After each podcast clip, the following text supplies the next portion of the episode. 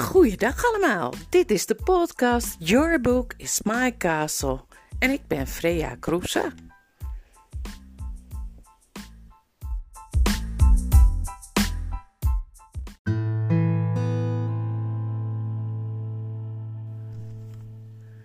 En dan zijn we alweer bij het laatste hoofdstuk van het boek Het paard en de jongen van de kronieken van Narnia aangekomen. Oh, wat gaan die avonturen snel. Nou, ik ga gauw beginnen. Boven dit hoofdstuk staat Rabadash de belachelijke. Met de volgende bochten in de weg kwamen ze het bos uit en daar zagen ze het slot Anvart met ervoor groene gazons en erachter als beschutting tegen de noordenwind de hoge beboste heuvelrug. Het was een heel oud kasteel en gebouwd van een warme rood-bruine kleur steen. Al voordat ze bij de poort waren, kwam koning Lune naar buiten hen tegemoet. Hij zag er heel anders uit dan Aravis zich een koning had voorgesteld.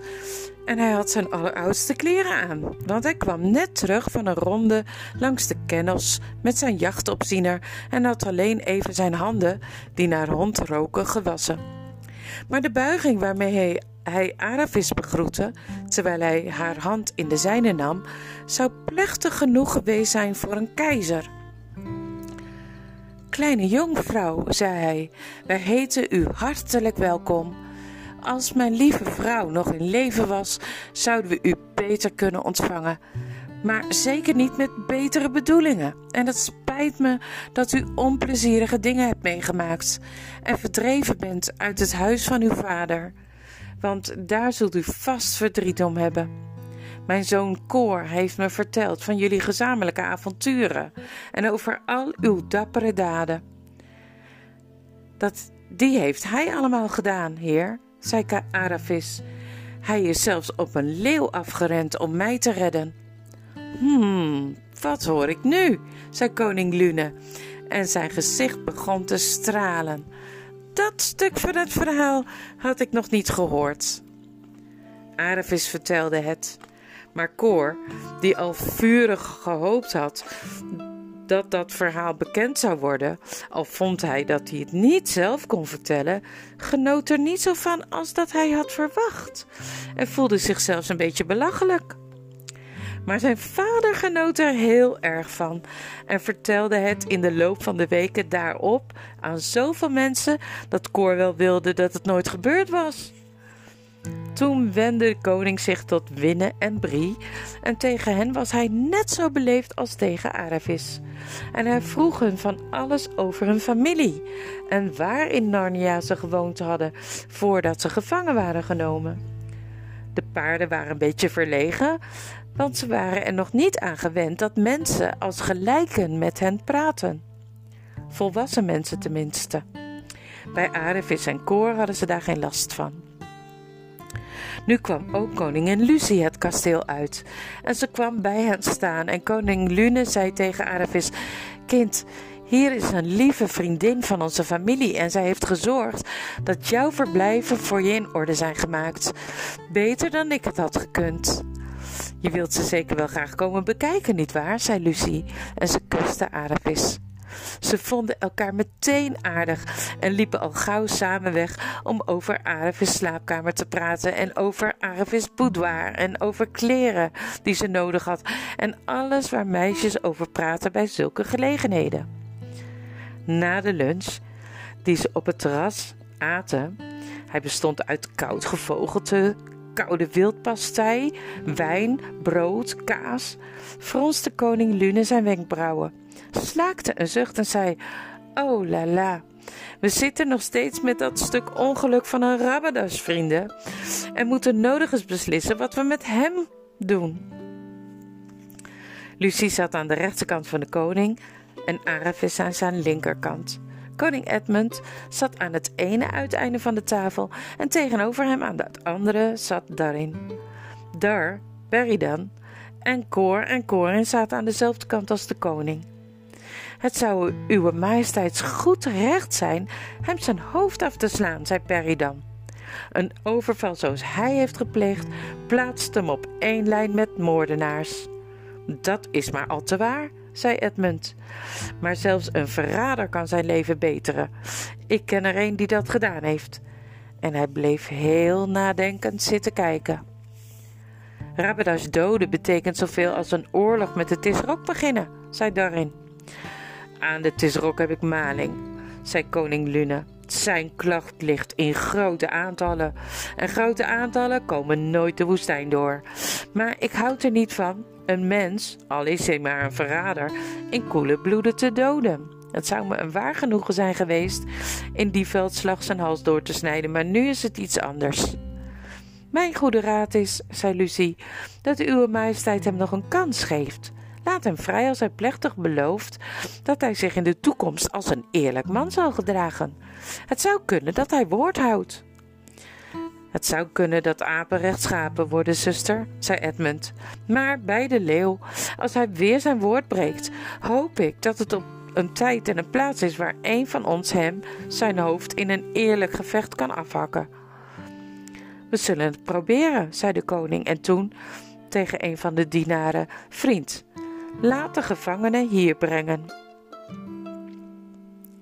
Rabedas werd in boeien voor hen geleid. Als je naar hem keek, zou je denken dat hij de nacht had doorgebracht in een stinkende kerker zonder voedsel of water. Maar in werkelijkheid had hij opgesloten gezeten in een heel geriefelijk vertrek waar hij een uitstekend avondmaal had gekregen. Maar omdat hij, een veel omdat hij veel te koppig had zitten mokken om de maaltijd aan te raken en de hele nacht niets anders had gedaan dan stampvoeten, brullen en vloeken, zag hij er natuurlijk niet meer op zijn best uit. Het hoeft uw koninklijke hoogheid niet verteld te worden, zei koning Lune, dat wij volgens de wet der volkeren en ook volgens elke politiek met gezond verstand het volste recht hebben op uw hoofd hebben dat ooit een sterveling jegens een ander heeft gehad. Desondanks behaagt het ons, met het oog op uw jeugdige leeftijd en slechte opvoeding, verstoken van alle hoffelijkheid en ridderlijkheid, die u in een land van slaven en tirannen ongetwijfeld hebt gehad, u ongedeerd vrij te laten op deze voorwaarden. Ten eerste dat Vervloekte barbaarse hond, sputterde Rabedash. Wat denk je dat ik ooit naar jouw voorwaarden zal luisteren? Poeh, je praat heel flink over opvoeding en weet ik veel. Makkelijk genoeg tegen iemand die in de boeien zit. Puh, doe me die gemene kettingen af. Geef me een zwaard en laat diegene van jullie die durft dan eens met mij komen discussiëren. Bijna alle edelen sprongen overeind. En Corin schreeuwde: Vader, mag ik tegen hem boksen, alstublieft? Stilte, majesteiten, edele heren, zei koning Lune. Zijn we met ons allen zo onevenwichtig dat we ons laten opstoken door het schimpen van zo'n eze uh, dinges? Ga zitten, Corin, of ik stuur je van tafel. Ik vraag uw hoogheid opnieuw onze voorwaarden aan te horen. Ik hoor geen voorwaarden aan van barbaren en tovenaars, zei Rabedas. Laat geen van jullie het wagen haar op mijn hoofd te krenken. Elke belediging die jullie mij hebben aangedaan, zal betaald worden met oceanen, Narnia's en Argelans bloed. De wraak van de Tisrok zal verschrikkelijk zijn, zelfs nu al. Maar als je mij doodt, dan zal het brandschatten en het martelen in deze noordelijke streken een legende worden, die de wereld over duizend jaar nog angst aanjaagt. Wee jullie, wee jullie, wee jullie! De bliksemschicht van Tash valt neer uit de hoge. En blijft die wel eens halverwege aan een haakje hangen? vroeg Corin. Foei, Corin, zei de koning. Bespot nooit iemand, tenzij hij sterker is dan jij. Ga dan gerust je gang. O Rabedash, dwaas die je bent, zuchtte Lucie. Het volgende ogenblik vroeg Koor zich af waarom iedereen aan tafel was opgestaan en heel stil stond. Natuurlijk deed hij het meteen zelf ook en toen zag hij waarom. Aslan was in hun midden.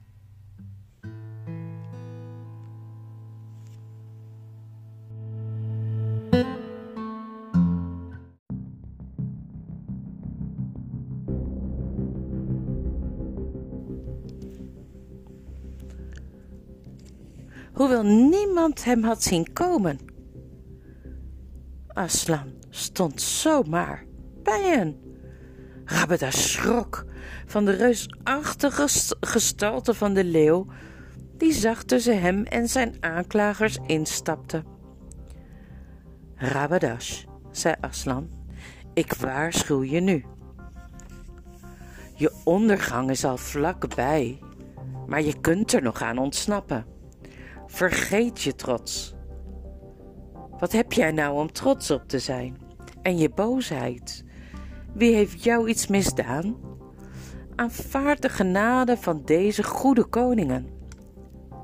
Toen begon Rabadas met zijn ogen te rollen en verbreedde zijn mond in een afschuwelijke, vreugdeloze grijns, zoals de grijns van een haai, en bewoog zijn oren op en neer. Iedereen kan dat, als hij de moeite voor doet om het te leren. In Calormen had hij daar altijd veel indruk mee gemaakt. Zelfs de dapperste hadden gesidderd als hij zulke gezichten trok.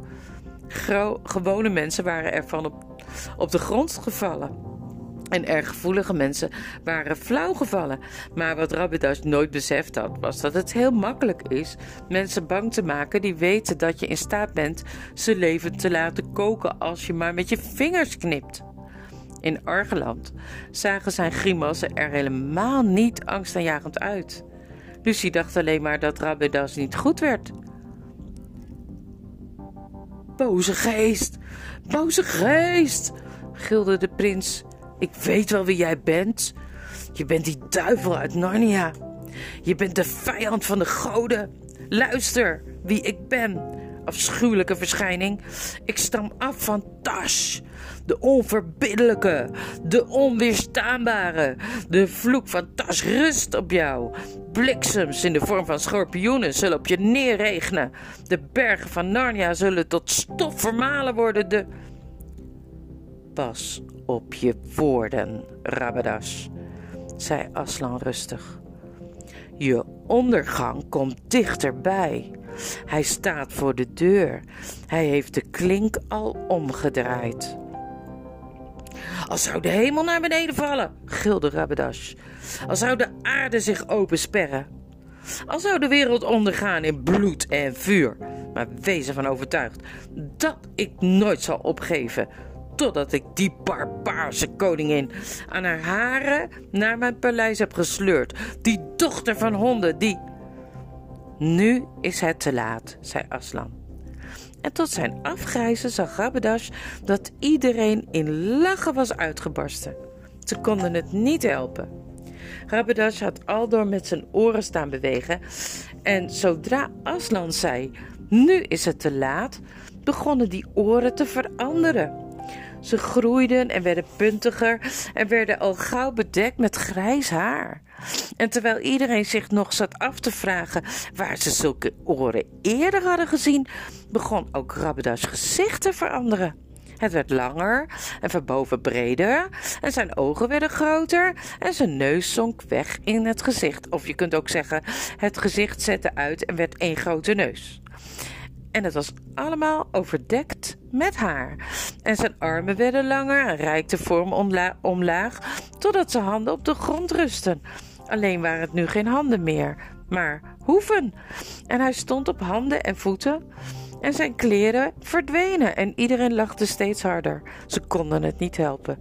Want wat eerst Rabbedas was geweest, was nu zonder enige twijfel een ezel. Het vreselijke was dat hij zijn menselijke spraak nog net even langer hield dan zijn menselijke gedaante zodat hij, toen hij besefte waarin hij veranderde, uitschreeuwde: Oh nee, geen ezel, genade! Al was het maar een paard, een paard, hoera, ja! En zo stierven zijn woorden weg in het gebalk van een ezel. Ja, Luister nu eens naar mij, Rabadash, zei Aslam. Gerechtigheid zal worden vermengd met genade. Je zult niet altijd een ezel blijven. Toen hij dat hoorde, spitste de ezel natuurlijk zijn oren. En ook dat zag er zo koddig uit dat iedereen nog harder moest lachen. Ze probeerden het in te houden, maar het lukte niet. Je hebt je beroepen op Tash, zei Aslam. En in de tempel van Tash zul je weer beter worden. Je moet dit jaar op het grote herfstfeest voor het altaar van Tash gaan staan in Tashbaan. En daar, voor de ogen van heel Tashbaan, zal je ezelsgedaante van je afvallen en zal iedereen weten dat jij prins Rabadash bent. Maar zolang je leeft, zul je als je ooit meer dan 15 kilometer van de grote tempel in Tashbaan vandaan gaat, onmiddellijk weer worden zoals je nu bent. En na die tweede verandering kun je nooit meer terug. Even was het heel stil. Toen kwamen ze allemaal in beweging en keken elkaar aan alsof ze wakker werden uit hun slaap. Aslan was er niet meer. Maar de lucht was zo helder en het gras zag er zo fris uit en hun harten waren zo blij dat ze zeker wisten dat het geen droom was geweest. En trouwens, daarvoor hen stond die ezel.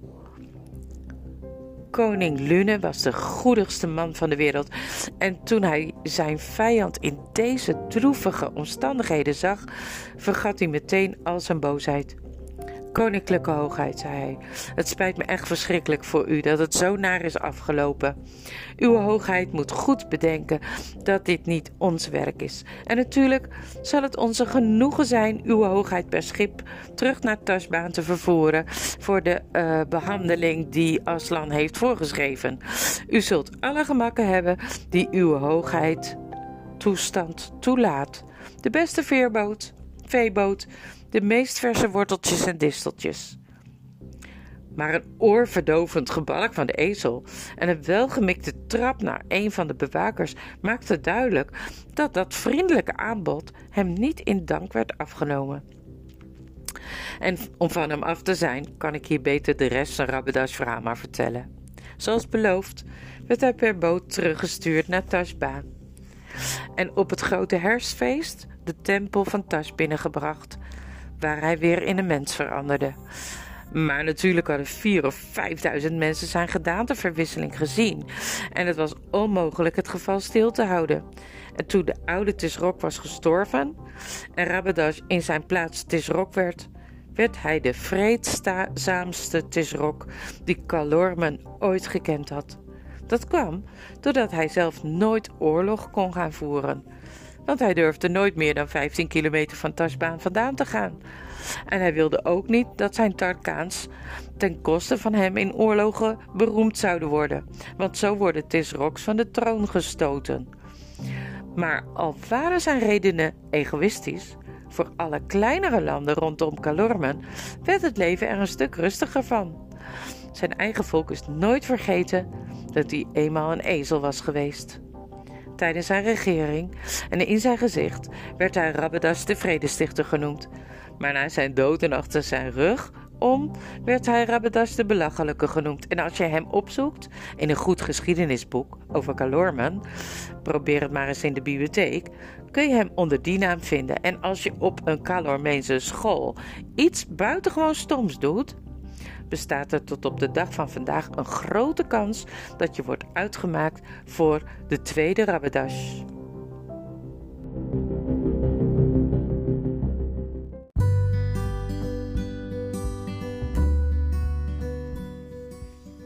Intussen was op Antwoord iedereen heel blij dat ze hem kwijt waren, voordat het plezier maken begon. Er werd die avond op het gezond voor het kasteel een fantastische fantastisch feest gehouden. Met tientallen lantaarns die het maanlicht versterkten. En de wijn vloeide. En er werden verhalen verteld en grappen gemaakt. En daarna werd er om stilte gevraagd en stapte de dichter van de koning naar voren met twee vioolspelers. En ze gingen midden in de kring staan. Aravis en, en Koor maakten zich klaar om zich te gaan vervelen, want de enige gedichten die zij kenden waren de Calormeense. En intussen weet je wel hoe die waren.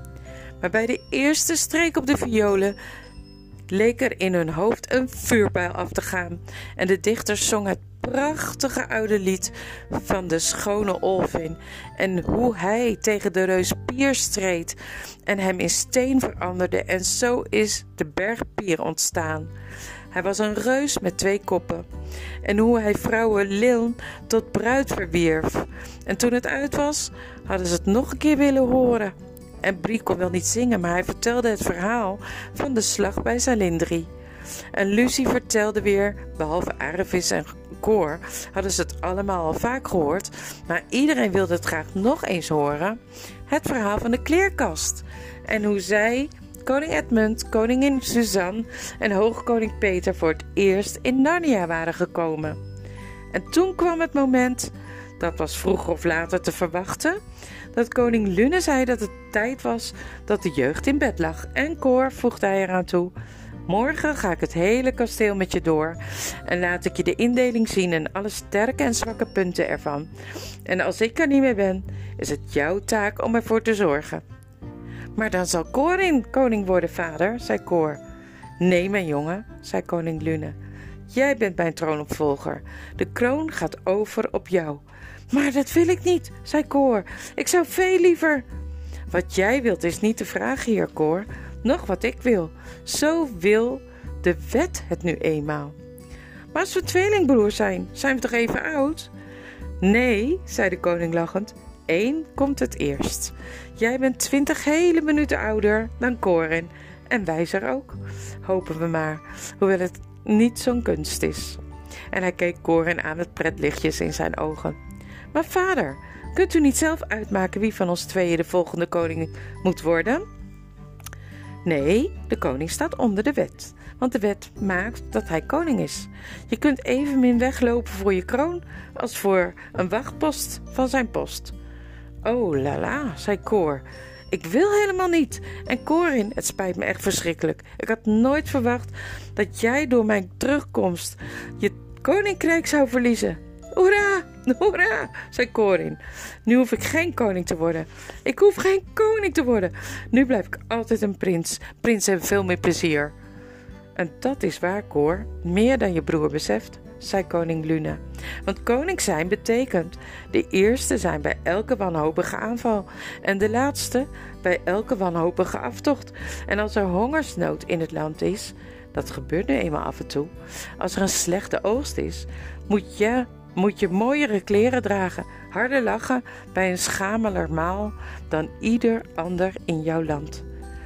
Toen de beide jongens naar boven gingen om naar bed te gaan, vroeg Koor nog eens aan Corin of er niets aan te doen was. En Corin zei: Als je er nog één keer over begint, dan, dan geef ik je een pak op je falie. Het zou leuk zijn als het verhaal ermee eindigde dat de twee broers het verder altijd met elkaar eens waren. Maar ik ben bang dat dat niet waar is. In werkelijkheid ruzieden en vochten ze ongeveer even vaak als alle andere jongens die met z'n tweeën zijn.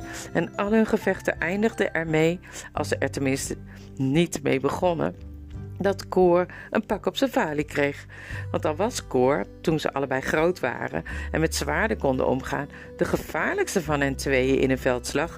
Niemand in die noordelijke landen, ook hij niet, kon het ooit van Korin winnen als bokser. Zo kreeg hij de naam Korin Dondervuist en zo verrichtte hij die van fantastische heldendaad tegen de teruggevallen beer van Stormnes, die eigenlijk een sprekende beer was, maar die vervallen was tot de gewoonten van de wilde beren. Op een winterse dag, toen de sneeuw op de heuvels lag, klom Corin aan de Narniase kant van Stormnes naar boven, naar zijn hol en bokste zonder scheidsrechter 33 ronden tegen hem. En aan het eind kon de beer niet meer uit zijn ogen kijken en was zijn karakter totaal veranderd. Ook Arevis had nog vaak ruzies en gevechten, ook vrees ik, met Cor. Maar ze maakten het altijd weer goed, zodat ze een jaar later, toen ze groot waren, zo gewend waren aan ruzie maken en het weer goed maken, dat ze met elkaar getrouwd zijn. Zo was het makkelijker voor hen ermee door te gaan. En na de dood van koning Lune werden ze een heel goede koning en koningin van Argenland. En Ram de Grote, de beroemdste van alle koningen van Argenland, was hun zoon.